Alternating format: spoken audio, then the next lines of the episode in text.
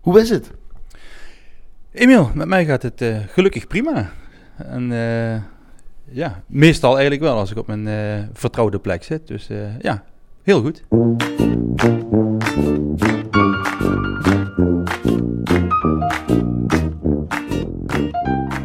Hier in Ettervoort en omschrijf even wat jij ziet vanuit jouw werkplek, Frans Filippens.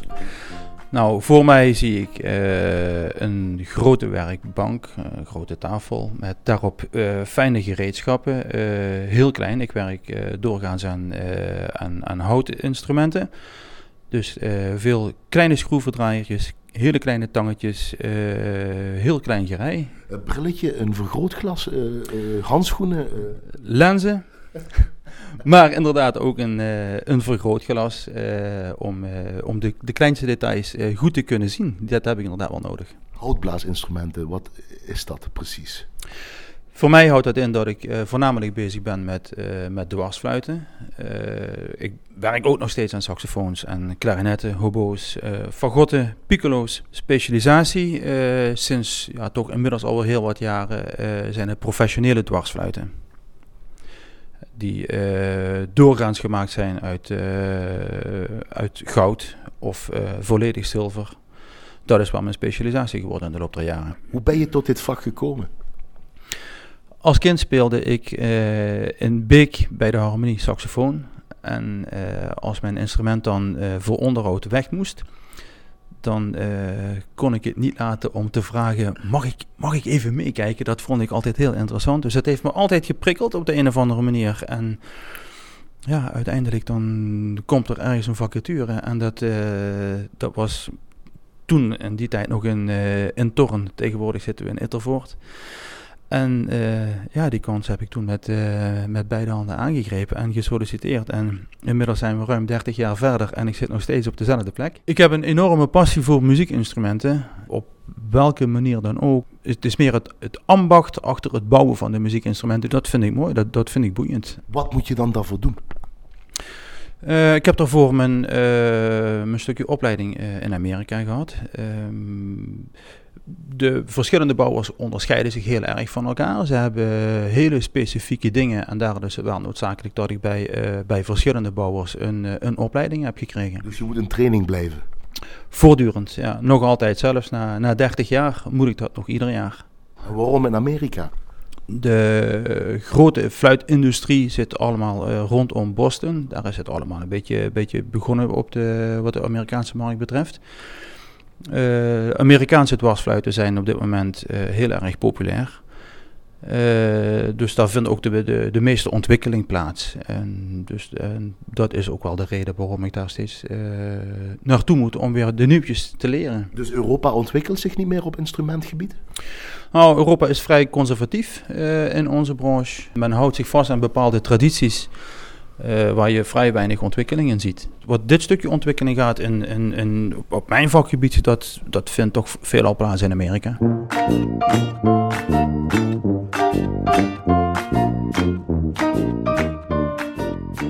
Met welk gereedschap maak je het? Meeste doe ik toch wel met mijn handen, denk ik dat, daar zit heel veel in. Heel veel doe ik met de handen. En je hebt natuurlijk wat hulpmiddeltjes nodig in de vorm van, van tangetjes en schroevendraaiertjes en pincetje en een schaartje. En is het dan fijne motoriek wat je nodig hebt of wat is het met die handen? Dat is een vereiste. Hè. Uh, zeker uh, op, op, op het gebied wat ik doe met die uh, professionele dwarsfluiten. Ik werk met, met marges van ongeveer 300ste van millimeters. Dus dan is een fijne motoriek zeer zeker een vereiste. En zit je er een millimeter naast, dan is het niet goed? Dan is het zeker niet goed.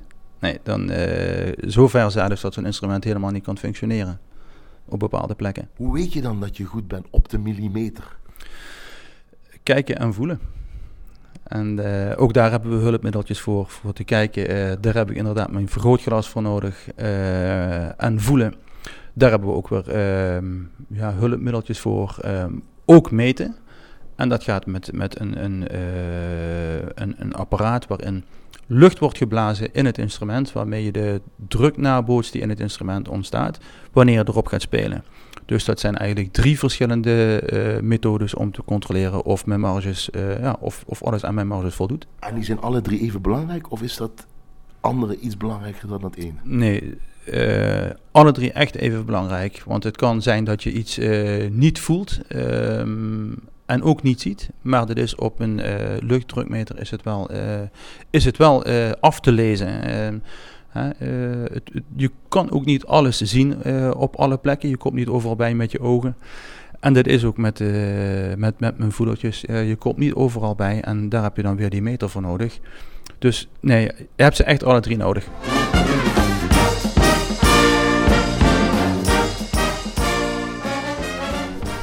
Hoe belangrijk is het materiaal? Heel belangrijk. Ehm, het materiaal in, in die zin van uh, de, de materialen die vervangen worden aan de, aan de instrumenten als ze gereviseerd worden. Ik ga altijd zelf van het principe uit uh, dat we de instrumenten origineel moeten houden. Dus feitelijk ga je terug naar de, naar de oorsprong, zoals het instrument ooit de fabriek heeft verlaten. En dat is essentieel uh, voor, de, voor de klank maar ook voor, de, voor alle eigenschappen. Zie je het eigenlijk een beetje als, uh, als, jij de, de, als je de uitlaat van je auto kapot hebt. En uh, je hebt een, een mooie Ferrari, die heeft een bepaalde klank, maar heeft ook bepaalde rij-eigenschappen. En dan ga je naar de bekende grote leverancier van uitlaten. Die zal wellicht een mooi passend model voor jouw Ferrari hebben. En die is zeer zeker een stuk goedkoper, maar toch heeft die Ferrari uiteindelijk andere eigenschappen. Hij zal ook niet meer klinken zoals hij ooit van tevoren heeft geklonken. En datzelfde principe hanteren wij ook. Dus je hebt de Stradivari van de fluiten altijd in je handen? Altijd. Moet je daar ook anders dan mee omgaan? Is er een andere denkwijze? Ja, natuurlijk. Uh, maar dat geldt voor een automonteur bij bepaalde bedrijven natuurlijk ook. Hè. Die, die werkt ook aan auto's van een ton of anderhalve ton of nog meer. Uh, zover gaat het bij mij niet. Uh, ik denk dat bij mij het, het, het maximale was het rond, rond de 60.000 euro. Uh, natuurlijk heb je veel geld in je handen, maar het, uh, het, moet geen verschil uitmaken of je aan een instrument van 500 euro werkt of aan een instrument van 50.000 euro. Dat, dat is geen verschil.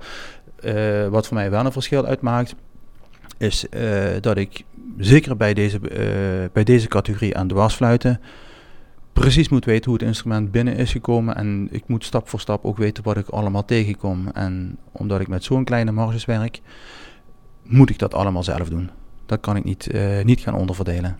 En wanneer weet je dan dat het af is? Ik heb ooit geleerd bij een instrumentenbouwer in Amerika. Die zei, uh, het woord uh, perfect mag je niet gebruiken. Dus het is niet klaar als het perfect is.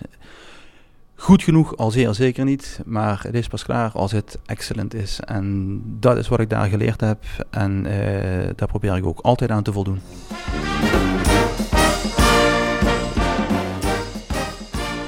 Wat is de kunst van het maken in jouw vak?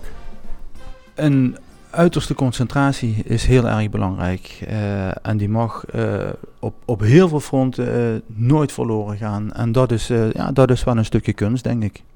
En het, het, het, het helemaal storten op je werk, dat, dat is wel een kunst, denk ik innerlijk ben ik, uh, ben ik wel een rustig persoon. En ik denk dat dat me wel uh, ja, ertoe bijdraagt dat, dat dat wel lukt. Als, uh, als ik me moet concentreren, ook al, ook al is dat erg lang, dan lukt dat goed. Wanneer ben je tevreden met je werk? Ik ga er altijd vanuit, eh, als ik een instrument aflever, klaar voor de klant, stel ik altijd de vraag aan mezelf, hoe zou ik dit instrument zelf willen ontvangen als ik mijn instrument heb afgeleverd en in welke staat zou ik het graag terug willen krijgen. Nou, dat is voor mij uh, het stukje uh, tevredenheid. En natuurlijk, als ik daar de, de, de, de glimlach van de, van de bespeler uh, voor terugkrijg, dan, dan is dat een bevestiging.